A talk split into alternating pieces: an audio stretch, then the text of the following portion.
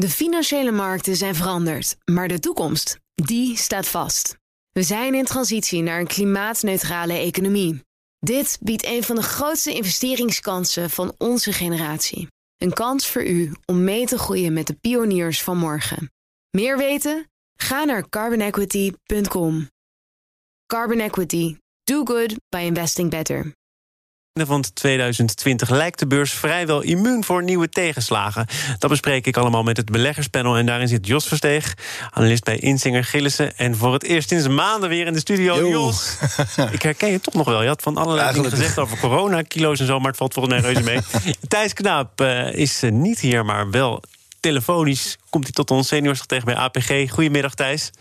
Goedemiddag. Ja, ik vind het wel een beetje jammer, want ik herken jou vooral aan het uh, wapperende blaadje als jij je laatste transactie met ons deelt. Ja, dan moet ik er nu maar een beetje bij denken. Maar ik neem aan dat je het in je hand hebt. Wat is jullie laatste transactie? Absoluut.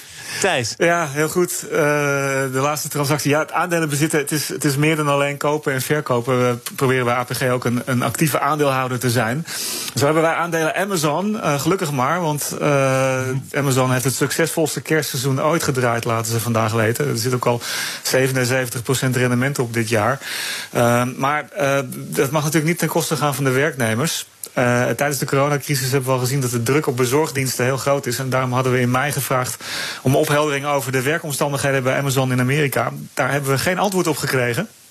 En dus hebben we nu samen met uh, pensioenfondsen uh, van de stad New York uh, een voorstel ingediend om toch een openbaar rapport te krijgen over de bescherming van werknemers daar zo. En als daar weer niet op gereageerd wordt, dan gaan we dat ook in stemming brengen bij de aandeelhoudersvergadering van Amazon.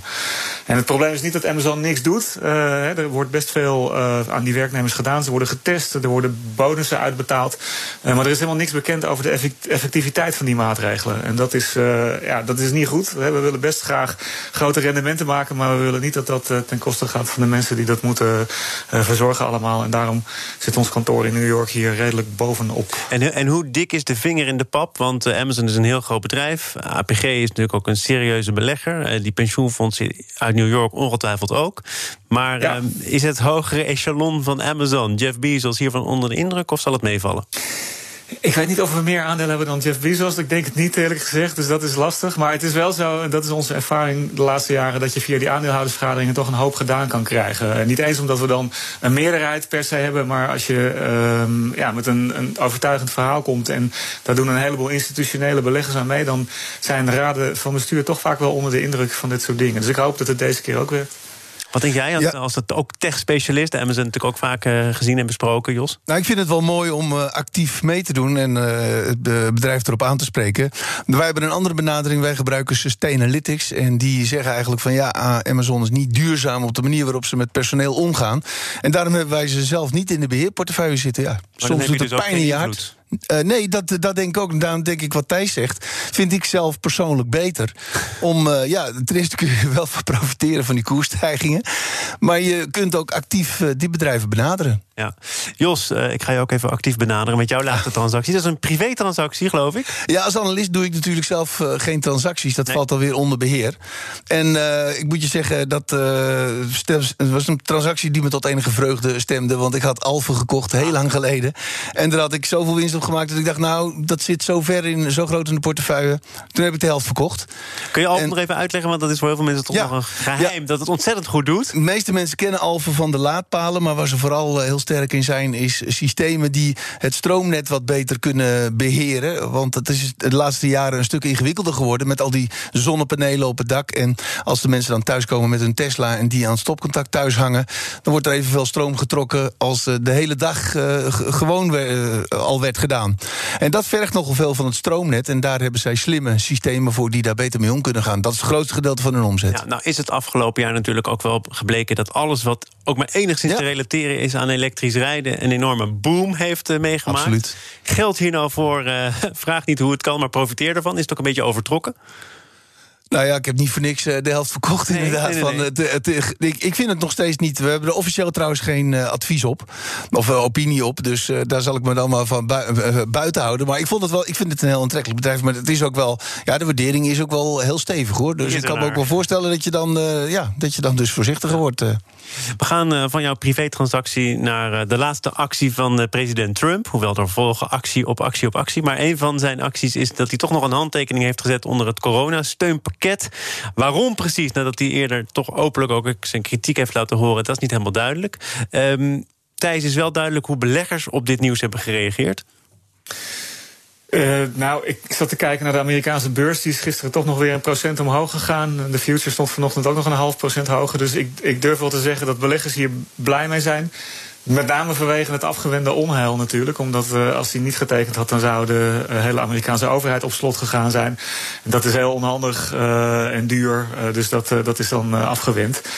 Um, dus, ik geloof ook niet dat ze heel erg van het somberste scenario uitgingen. Want toen hij zijn kritiek liet horen en zei van... kijk wel of ik teken... was er ook niet een enorme schrikreactie, toch?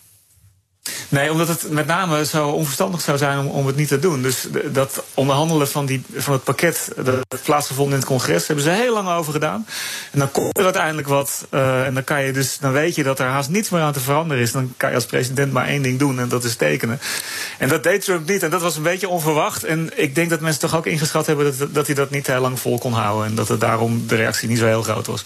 Nee, want het kon ook niet, als hij tien dagen niets gedaan had... dan was het automatisch wel doorgegaan. Dus hij moest echt een veto uitspreken. En dat veto kon in het, in het congres uh, overruled worden. En de kans dat het overruled zou worden was natuurlijk heel groot. Want dat was, het hele concept was met 90% uh, van de met jaar, jaar stemmen aangenomen. Nou, toch is er wel wat, wat veranderd. Hè? Want hij heeft daar heel duidelijk gezegd... er moet meer geld direct naar Amerikanen. 2000 dollar ging het om. In plaats van de 600 die in het eerste voorstel was opgenomen. Uh, dat heeft wel degelijk heel veel effect. Nou, dat denk ik dat het wel meevalt. Het is wel door het huis aangenomen, die verhoging van 600 dollar naar 2000 dollar. Maar ik vraag me zeer af of dat door het congres komt. Daar zit heel veel politiek achter, want voor de Republikeinen ligt het natuurlijk heel gevoelig om die, dat cadeautje van 2000 dollar in te houden. Als er nog uh, twee senatoren gekozen moeten worden uh, in, uh, in Georgia. Mm.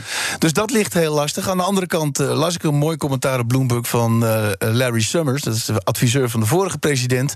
Ik vind het een buitengewoon verstandige man. En die vroeg zich ook af van ja, waarom zou je ieder, 85% van de belastingbetaler zoveel geld geven? Heel veel mensen, dat is ook een van de die redenen. Die het nodig hebben. Nee, die het niet nodig hebben. Heel veel mensen die willen eigenlijk best wel besteden, maar die kunnen niet op vakantie en die kunnen niet uit eten.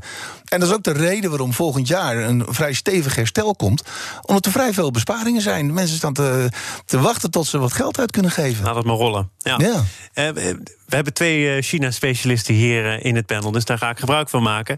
Door het te hebben over de Ant Group. Dat had natuurlijk eh, verantwoordelijk moeten zijn voor de grootste beursgang ooit. Dat ging op het allerlaatste moment niet door. En intussen is duidelijk dat de regering ook eist dat er wat strenger toezicht gaat plaatsvinden. Dat de, belasting, de betalingsdienstverlener stopt met leningen, verzekeringen, vermogensbeheer. Uh, Thijs, kun jij nog even de positie van Ant schetsen in China?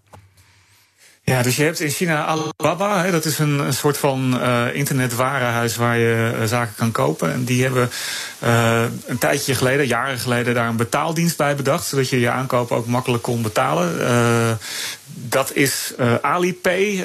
Dat kennen we ook hier wel. Als je in Amsterdam naar een winkel gaat, dan staat er vaak een soort terminal speciaal voor Chinezen met Alipay.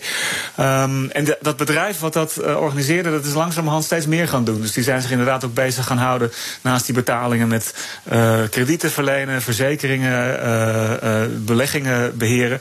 En dat konden ze omdat ze vanwege die, die website, het Alibaba, zoveel van mensen wisten dat ze hele goede beslissingen konden maken over wie de kredietwaardig was uh, wie er nog geld over had om te beleggen. Dus ze wisten, het, was een echte fintech. Um, en dat maakte dat bedrijf dus ook zo fantastisch uh, waardevol. Totdat de Chinese toezichthouders zeiden van ja, maar wacht even. Uh, dit zien we helemaal niet zitten. Want we zijn bang dat die fintech allerlei schulden op gaat bouwen bij mensen die we helemaal niet onder controle hebben. Normaal gaat het in China vaak via staatsbanken beleggen en sparen. Nou ja, als dat via Ant zou gaan, dan, ja, dan was de controle te weinig, vonden de Chinezen Chinezen zelf. En daarom werd die IPO teruggetrokken. Ja. En nu zien we inderdaad dat, dat de toezichthouder wil dat ze zich gaan, ja, minder gaan bezighouden met dat soort uh, ja, financiële uh, transacties die niks met betalen te maken hebben, maar meer met sparen en, en, lenen. Dus als je je gedraagt als een bank, dan moet je ook als een bank behandeld worden. Maar is, is Ant Group nog te temmen, Jos? Ja, zeker. zeker in China. Zeker in China, ja. Nee, het, het, het, punt was dat ze zich gedroegen als bank, maar uh, bijvoorbeeld niet zelf die leningen funden. Hè, dat dat uh, legden ze bij de commerciële banken. Maar ja, niet de regulering hadden van een bank. En ja, ik snap wel dat uh, centrale banken daar zenuwachtig van worden. En als je dan ziet hoe Jack Ma zich opstelde en eigenlijk de, de toezichthouder in het openbaar afkraakte, ja, dat was ten eerste niet zo handig. En ten tweede, ja, dan, dat was ook die uitspraak die de centrale bank afgelopen zaterdag had gedaan. Van, van ja, jullie weten helemaal niks van uh, juridische zaken, hebben jullie helemaal geen kennis van. Uh, compliance weten jullie niks van. En het lijkt wel of jullie er gewoon totaal geen rekening mee willen houden. Ja, en dat, dat is natuurlijk nergens handig, ook niet in Europa. Maar het is op papier wel een aantrekkelijk bedrijf. Het is ontzettend veel waard, of moet ik zeggen, was veel waard. Maar, maar maakt dit nu toch ook weer kopschuw voor beleggen in China? Moet je dit gewoon dan toch niet willen, omdat linksom of rechtsom de staat, de partij kan ingrijpen? Ja, dat is een groot probleem, vind ik. Uh, in China altijd is de partij staat boven alles. En je bent in principe rechteloos. De partij kan doen wat ze wil. En uh, ja, je kunt, je, je kunt niet tegen de partij ingaan. Dus dat is een groot risico. Aan de andere kant uh, is China natuurlijk een prachtige groeimarkt. Daar zijn de waarderingen vaak ook wat lager, omdat dat risico wel zit ingeprijsd. Dus wij beleggen zelf ook wel in Chinese bedrijven. We hebben Tencent in de beheerportefeuille. Maar ik, ik heb daar zelf altijd wel met een angstig oog naar gekeken. Ja. Maar Thijs, als je als APG het durft op te nemen tegen Bezos... dan kan je toch die partij in China ook wel aan? ja, ik wil ook nog wel iets aardigs zeggen hierover. Uh, want het, een van de dingen die je ook kan zeggen is dat de Chinese overheid is op dit moment echt gefixeerd op het, op het beheersen van kredietrisico. Je had het oude verhaal van de Chinese schuldenberg, waar we het ook wel eens over gehad hebben, die langzaam maar zeker zo groot werd dat de hele economie eronder zou kunnen bezwijken. Nou, dat is vaak overdreven, maar er zit wel een kern van waarheid in. En je ziet nu dat Chinese beleidsmakers echt gefixeerd zijn om die schulden aan banden te leggen. En dat, dat is nu zelfs zo belangrijk dat de groei van het BBP BBP, wat jarenlang heilig was, daar uh, nu minder belangrijk gevonden wordt, omdat ze dit onder controle krijgen. En ja, het, het, het minder uh, verstrekken van leningen door, door Ent is een manier, misschien niet de beste manier, maar het is een manier om dit probleem aan te pakken. En dat geeft toch ook wel weer vertrouwen in dat ja, de Chinezen China wordt er stabieler op eigenlijk. Dus de risico's ja, nemen exact. af. Maar Thijs, is dat niet. Ja, het, het, is wel heel erg raar van de partij dat ze. Juist de partij is Ent. Ent werd, werd, zo genoemd omdat ze rekening houden met de kleine mieren, de kleine mensen die altijd door de grote banken vergeten werden. En nu eindelijk hun financiering kunnen krijgen. Dat, is, dat de, de, de, de Chinese partij eigenlijk daar juist ingrijpt. Dat is wel. Dat, dat is toch doodzonde. En eigenlijk ook een beetje Ja, dat ben ik wel met je eens. Ja, nee, absoluut. Want ik zei ook, het is misschien niet de handigste manier om het kredietrisico nee, nee, te beperken. Je zou eerst eens moeten kijken naar die staatsbanken en wat die allemaal doen. Nou. Maar het geeft wel aan uit welke hoek de wind waait. Uh, namelijk dat ze dat, dat opbouwen van die schulden en het, het vergroten van de kwetsbaarheid, dat daar een, een einde aan komt. En dat is op zich geen slecht nieuws voor mensen die over het algemeen in China willen uh, beleggen. Met alle gevaren van dien. Hè. Ik ben helemaal met je eens. Die partij speelt daar een rol waar je niet altijd uh, blij van wordt als belegger. Uh, maar dit, ik wilde toch wel een beetje het lichtpuntje ook geven. wat, wat volgens ja. mij hier wel achter schijnt. Waar wij het gisteren kort over hebben gehad, Jos. dat is dat die techreuzen in China in het algemeen. Hè, ook Alibaba, natuurlijk ja. ook van Jack Ma. ter discussie staan kan China daar ook daadkrachtiger optreden dan bijvoorbeeld Amerika, dan bijvoorbeeld Europa, waar ook wordt nagedacht over wanneer worden bedrijven te groot, wat doen we met machtsmisbruik, wat doen we met marktmacht. Ja, absoluut. Dat is het grote probleem, vind ik, met China. Om toch nog, nog iets lelijks te zeggen. Ze kunnen doen wat ze willen. De partij is almachtig en staat maar boven dat alles. een voordeel hier, want dat zorgt er dus ook voor ja, dat grote bedrijven andere bedrijven niet kunnen wegdrukken. Nou, het mooiste was, ik las vanochtend een verhaal in de Wall Street Journal dat uh, uh, president Xi het commentaar had op Europa had dat alles zo langzaam ging. In China kan het sneller. Ja. En toen had, uh, ik ben even zijn naam vergeten, maar die zei van ja, dat langzame, dat noemen wij democratie democratie. Vond ik wel een sterke opmerking. Hinderlijk, hè, soms ja. democratie. ja. We gaan uh, naar iets wat zeker niet hinderlijk is... maar wat aangeeft dat we naar een ander onderwerp gaan. Zaken doen. En na de jingle kondig ik uh, graag ook nog een keer aan Jos Versteeg van Insinger Gillissen en Thijs Knaap van APG. Um, beleggers die in 2020 het advies van analisten zoals Jos volgden, hebben een stuk beter gepresteerd dan het marktgemiddelde. Geldt voor zowel de koopadviezen als de verkoopadviezen. Daarover schrijft het FD. En blijkt uit uitgebreid onderzoek. Jos, ik denk, ja, je staat ja, nu, altijd een goed idee. Altijd niet, een goed idee. Stoel, natuurlijk. Ja, zeker. ja, ik neem het altijd met uh, een paar kilo zout, dit soort onderzoek en dit soort dingen. Komt hartstikke goed uit. Ja, nee, dat is heel, heel aardig. Dat vind ik ook heel leuk. Maar wat mij altijd zo enorm ergert, is, is dat uh, analisten, analistenadviezen, dat, dat, dat mensen vaak denken dat dat dan is. De ene moment moet je dit doen, de andere moment moet je dat doen. Nu moet je kopen, nu moet je, voor, nu moet je verkopen. Alsof je een soort guru bent, hè, die precies de koersen kan voorspellen. Nou, dat denk ik dus niet. Ik denk dat de taak van een analist is uh, bedrijven goed kennen en redelijk kunnen inschatten wat de ontwikkelingen zijn. En of iemand iets wil kopen of niet, nou, dat moet hij dan zelf maar weten. Maar je kunt... daarvan zeg je toch, nou, in dit geval ja, zou ik KPN nou ja. even laten liggen. Ja, dat is waar, dat is waar. In het geval van KPN net even niet. nee, maar, maar nee, waar het mij om gaat is... dit is ook een onderzoek op een jaar... en volgend jaar is het weer wat anders. En ik vind eigenlijk analistenadviezen... zou je over een periode van vijf jaar moeten bekijken. Beleggen is echt een lange termijnzaak maar, en dat is niet even, van een want jaar. Ik snap dat jij zegt, uh, die titel als goeroe... daar voel ik me ongemakkelijk bij. Maar uiteindelijk ken jij bedrijven. En zitten jouw klanten er toch ook op te wachten... dat jij iets met die kennis doet. En Ja. dat zou kunnen resulteren in een advies. Kopen, verkopen, Nee, dat is waar. Houden. Tuurlijk, en dat, dat, dat is ook mijn taak. En dat doe ik ook. Dat zeg ik ook. Dat bedrijf moet je wel hebben of dat bedrijf moet je niet hebben.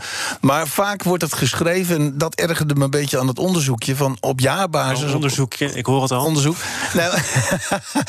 Maar ja, vaak worden ook analisten... Vroeger werden we vergeleken met dolfijnen. Wat hebben we allemaal niet allemaal gehad? Gorilla's die, ja, gorilla's die, die, die eh, A-select eh, aandelen kiezen. Oh, ja. Die komen er ook vaak heel goed mee weg. En ik wil echt benadrukken, het gaat niet op die korte termijn... het gaat echt om de lange termijn. En dan kijk je naar bedrijven die een hele sterke marktpositie hebben... een goede verdedigbare positie hebben... goed renderen, goed management hebben... en die moeten er dan, vind ik, minimaal vijf jaar goed kunnen doen. Thijs, wat vind jij van dit onderzoekje? Nou, het, het is een mooi onderzoek omdat het al jaren gedaan wordt uh, door deze persoon. Dus dat, uh, dat maakt het ook mogelijk volgens mij om op die vijfjaarsbasis te kijken, hoewel ze dat niet uh, publiceren. Kijk, de, de grote vraag is ook, als je hier goed uitkomt, is dat dan het toeval of is het dan omdat je inderdaad heel erg uh, in de gaten hebt wat al die bedrijven aan het doen zijn? En het viel mij op, uh, ik zat even te kijken naar het, het vorige onderzoek wat over 2018 gaat trouwens, niet over 2019. En toen was ABN AMRO uh, de beste, hè, de, die gaf de beste adviezen. Uh, dit jaar staan ze 17e uit 20. Uh, wat toch een beetje de vraag oproept of, dat nou, ja, of dit nou iets is wat je, wat je jaar in jaar uit kan herhalen. Of dat het inderdaad gewoon een soort van jaarlijkse toevalstreffer is. ja, van wie, daar, wie er goed in is en wie niet. Maar ik vind wel, kijk, uiteindelijk als belegger moet je inderdaad weten wat je, wat je koopt. Je moet onderzoek doen naar bedrijven. En dat wordt no ja, door de markt niet altijd even goed uh, beloond. Hè. Soms gaan, gaat de markt een hele andere kant op. En dan doe je toch, ondanks al je harde werk, niet goed. En het is lastig om daar adequaat voor beloond te worden. Te, tenzij je een hele grote belegger bent en je doet het jarenlang. En dan zit er wel een soort systematische beloning in. Maar ja, het is wat dat betreft. Uh, het actief beleggen is hartstikke belangrijk. En het levert op lange termijn wat op. Maar niet altijd en niet op ieder moment. Nee. Daar, ja, wat wat die onderzoekers trouwens constateren, Jos. En dan kijk ik toch even naar jou is dat uh, analisten over het algemeen een voorkeur hebben, een voorliefde hebben voor tech. Jij moet je tegen mij zeggen. Ja, precies. Maar als je, dus, als je dus een, een aangeboren liefde hebt voor tech, Ja. ja, dan kan je het dit jaar natuurlijk ook moeilijk verpesten. Nou, dat is waar. Ja, dat was ook een van de redenen, inderdaad, ja. En ik denk, dat, ik, ik denk zelf dat dat echt nog wel een tijdje blijft. Er, is, zijn grote...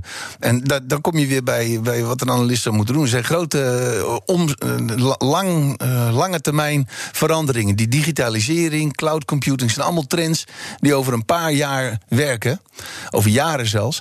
En ja, als je daar dan goed gepositioneerde bedrijven uitkiest... die daar actief in zijn, ja, dan kan het eigenlijk niet mis. Heb je vrij grote kans van slagen. Dus ja, zo werkt het, denk ik.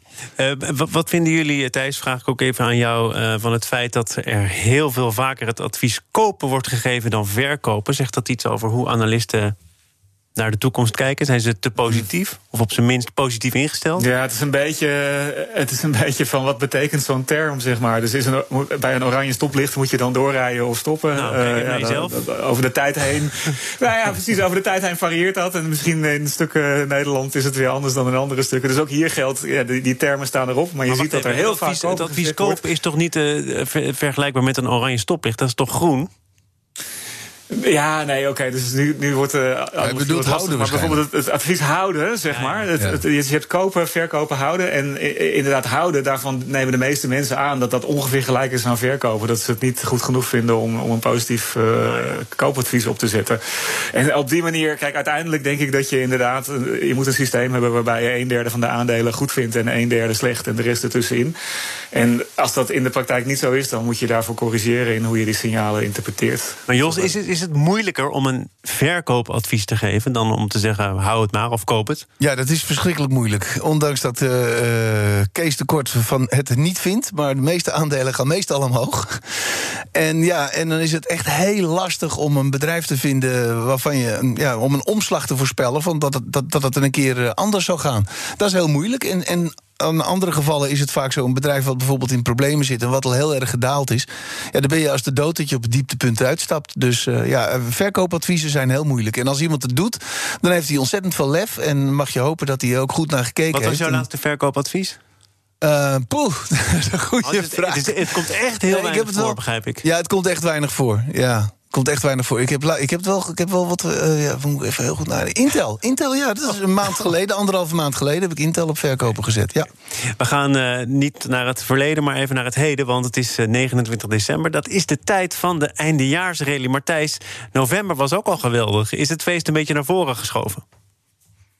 Ja, dus wat is einde jaar? Uh, november, ik, ik, zie de MSCI World heeft uh, bijna 13% gedaan in november. Dat was natuurlijk vanwege het vaccin.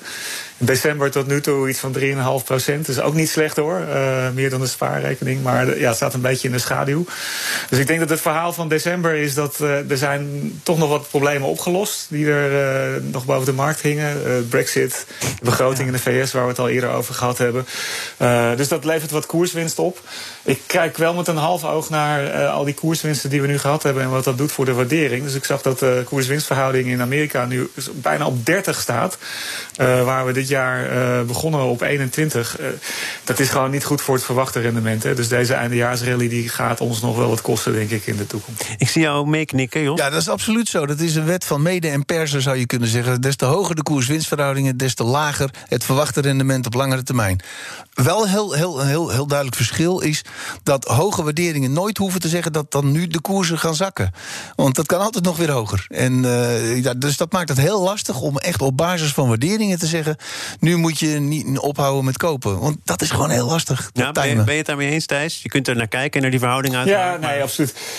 Nee, dus ik praat hier als lange termijn belegger. Dus uh, ik, ik, ga absoluut niet voorspellen dat het volgende maand al misgaat. Maar ergens uh, weet je dat je ja. je lange termijn verwachte rendement hierdoor beïnvloed wordt. En uh, ja, wanneer precies, dat mogen de waarzeggers vertellen. Maar ja, het is, als je nu aandelen koopt, koop je ze heel duur in. Verwacht jij nog iets van, van de, de laatste dagen, Jos? Want er gebeurt misschien niet heel veel meer. Door, en dan betekent dat het als er wel iets gebeurt, dat dat meteen ook natuurlijk uitschieters naar boven of naar beneden kan ja, veroorzaken. De, de omzetten zijn over het algemeen heel, uh, heel, heel, beperkt. Dus ik, ik, zou het ook niet echt aanraden om nu te gaan handelen nog. Uh, het is altijd, uh, ja, als, als de grote beleggers weg zijn, dan zie je wel van de, dat soms particuliere beleggers tijd hebben aan het eind van het jaar en vast gaan positioneren voor, voor de rest van het jaar. Maar ik zou dan gewoon wachten tot er wat betere liquiditeit is, tot er wat meer gehandeld wordt. Dan krijg je misschien een betere prijs. Jos, wat was dit voor jaar eigenlijk? 2020 op de beurs? Ja, ik vond het een fantastisch jaar, omdat natuurlijk technologie het zo goed gedaan eh, eh, Puur economisch gezien, hè, als, als beurskijker. Uh, um, Je bent inderdaad de eerste die hier staat zegt 2020. ik zal het nooit meer vergeten. Het was nee, ik zal het nooit meer vergeten. Nee, natuurlijk, toen, ik weet nog heel goed, toen, toen waren de eerste, of in China eerste die pandemie. In, uh, volgens mij in Italië was de eerste besmetting al uh, geweest. En toen zaten we in een kamertje elkaar aan te kijken. En die koersen gingen maar omhoog. En we keken elkaar aan zo, oh, dat kan nooit goed gaan. Nou, en het ging dus, en wij, ja, we bleven nog wel positief. Maar ja, uiteindelijk zakte de boel helemaal in elkaar. En, en volgens mij nog een anderhalve maand later uh, was het afgelopen. Begonnen de koersen weer te stijgen. Dus, en dat was heel verbijsterend. En dat heb ik nog nooit zo snel gezien. Zo, zo korte recessie. Nee, maar daardoor werd, werd natuurlijk ook wel het gevoel versterkt van... nou ja, die beurs trekt zich helemaal niks meer aan... van hoe het economisch gaat of hoe de samenleving... Ja, dat kwam natuurlijk door, door, door ingrijpen van de overheden... op een schaal die we nog nooit uh, gezien hebben. En de centrale banken. Thijs, wat was het voor jou voor een jaar? Je hebt ja, natuurlijk de marathon gelopen bij jou om de hoek. Wat, uh... dat natuurlijk niet. nee, dus het vat, het vat het wel aardig samen wat de beurs betreft. Uh, dus heel hard omlaag en daarna weer heel hard omhoog. En dit jaar toch op, uh, op winst staan. Ondanks de verschrikkelijke dingen die er in de economie gebeurd zijn. Als je dan aan de andere kant kijkt naar wat er met de rente gebeurd is, dan zie je daar toch wel een iets, anders, iets ander verhaal. Uh, als ik kijk naar de, de, de lange, uh, laten we zeggen, de 30 jaars rente, waar pensioenfondsen veel mee te maken hebben, begonnen we dit jaar op nou, iets, onder, iets boven de half procent, 0,6 procent. Dat ging heel ver naar beneden, tot onder nul. En eigenlijk is dat niet meer opgeveerd. Dus we zitten nu zo, ik geloof op vandaag perfect rond de nul op de 30 jaars rente. Nou, dan kan je zeggen van wat maakt het uit? Je hebt 0,6 procent ingeleverd, maar dat maakt heel veel uit als je als je, je verplichtingen moet disconteren als, uh, als pensioenfonds. Dus de winst die er op de beurzen gemaakt is dit jaar, die loopt, er, die loopt eruit aan de, aan de rentekant. En dat is natuurlijk uiteindelijk hetzelfde verhaal. Dus dat ingrijpen van, van overheden en vooral van centrale banken heeft dat zowel aan de rentekant als aan de beurskant veroorzaakt. Waardoor uh, ja, het, het, het, uiteindelijk een soort gemixt jaar geworden is financieel. Meer aandelen kopen, Thijs? Ja, ik, ze zijn zo duur. Ja, ja dat is maar waar. Het mag toch ook niet ongebreideld, uh, Thijs? Je kunt toch als APG niet uh, zeggen van we kopen meer aandelen. Je moet toch een bepaalde verhouding aanhouden? Ja, de toezichthouder heeft allerlei meningen over uh, hoeveel risico je mag nemen als okay. pensioenfonds. Ja, nou goed, maar met de toezichthouder erachter is dat wel belangrijk. En ja. het is natuurlijk ook niet verstandig om uh, ja, alles in, in risicodragende uh, stukken te stoppen. Dus daar, ja, daar zijn we voorzichtig mee. Um, maar ja, het is wel waar. Kijk, als je nu. Uh, oh, was, ik nam zelf ook een risico door nog een vraag te stellen, maar ik had er eigenlijk geen tijd meer voor. Heel lelijk, maar ik ga je afronden. Thijs Knaap, senior stratege bij APG. Tot volgend jaar. En dat zeg ik ook met alle liefde tegen Jos Versteeg, senior analist bij Insinger Gillissen. Dit was het uh, beleggerspanel. Sterker nog, dit was BNR Zaken doen voor vandaag. Morgen dan gaan we het uitgebreid hebben over, daar is hij weer Jos, elektrisch rijden en varen in het openbaar vervoer. En welke laadoplossingen daarvoor nodig zijn met Michael Colleen. Hij is directeur van Heliox maken van elektrische laadsystemen. Dat allemaal morgen in BNR Zaken doen. Zometeen eerst Newsroom. Dat is onze dagelijkse podcast van het FD en BNR. Vandaag gepresenteerd door Paulien Sewuster. Veel plezier en tot morgen. De financiële markten zijn veranderd, maar de toekomst, die staat vast. We zijn in transitie naar een klimaatneutrale economie. Dit biedt een van de grootste investeringskansen van onze generatie. Een kans voor u om mee te groeien met de klimaatoplossingen van morgen. Meer weten? Ga naar carbonequity.com. Carbon Equity. Do good by investing better.